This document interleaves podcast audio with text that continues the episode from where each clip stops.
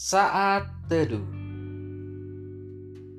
Jumat tanggal 30 Oktober 2020 Sampai ujung bumi. Bacaan diambil dari kitab Yesaya pasal 49 ayatnya yang ke-6 Demikianlah firman Tuhan.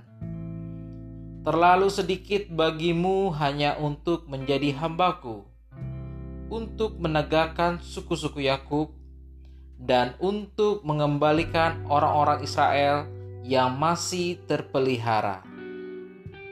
Tetapi aku akan membuat engkau menjadi terang bagi bangsa-bangsa, supaya keselamatan yang daripadaku sampai ke ujung bumi.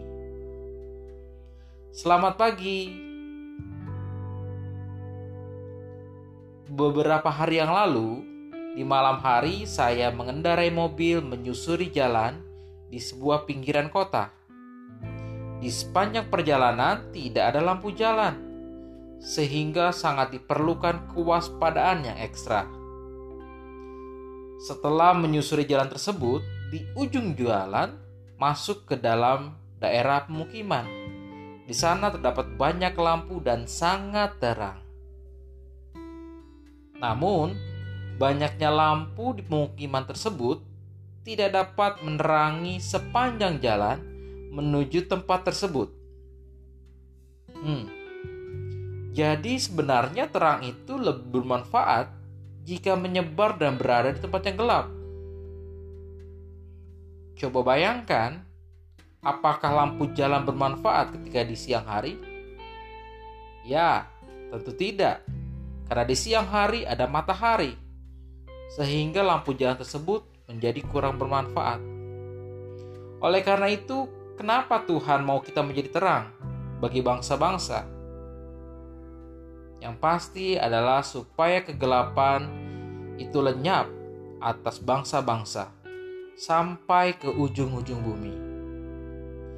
Jadi terang itu harus ada mulai dari ujung sampai kepada ujung-ujung bumi. Bukan hanya ada di ujung dan di ujung, tetapi setiap tempat dari awal sampai akhir ada terang di sana. Jadi jika kamu merasa seakan-akan sendiri sebagai anak Tuhan, kamu nggak perlu khawatir. Mungkin Tuhan mau pakai kamu di tempat itu. Ingat, Terang itu lebih bermanfaat jika tidak ramai-ramai. Jika terang itu terlampau ramai, terlampau kuat, malah sangat menyilaukan. Sekecil apa pun diri kita, selama terang kita bercahaya, kita tetap dapat menerangi dan menjadi berkat atas tempat itu.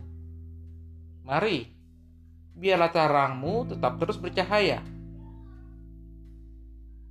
Selamat menjalani hari yang baru. Tuhan Yesus memberkati. Shalom.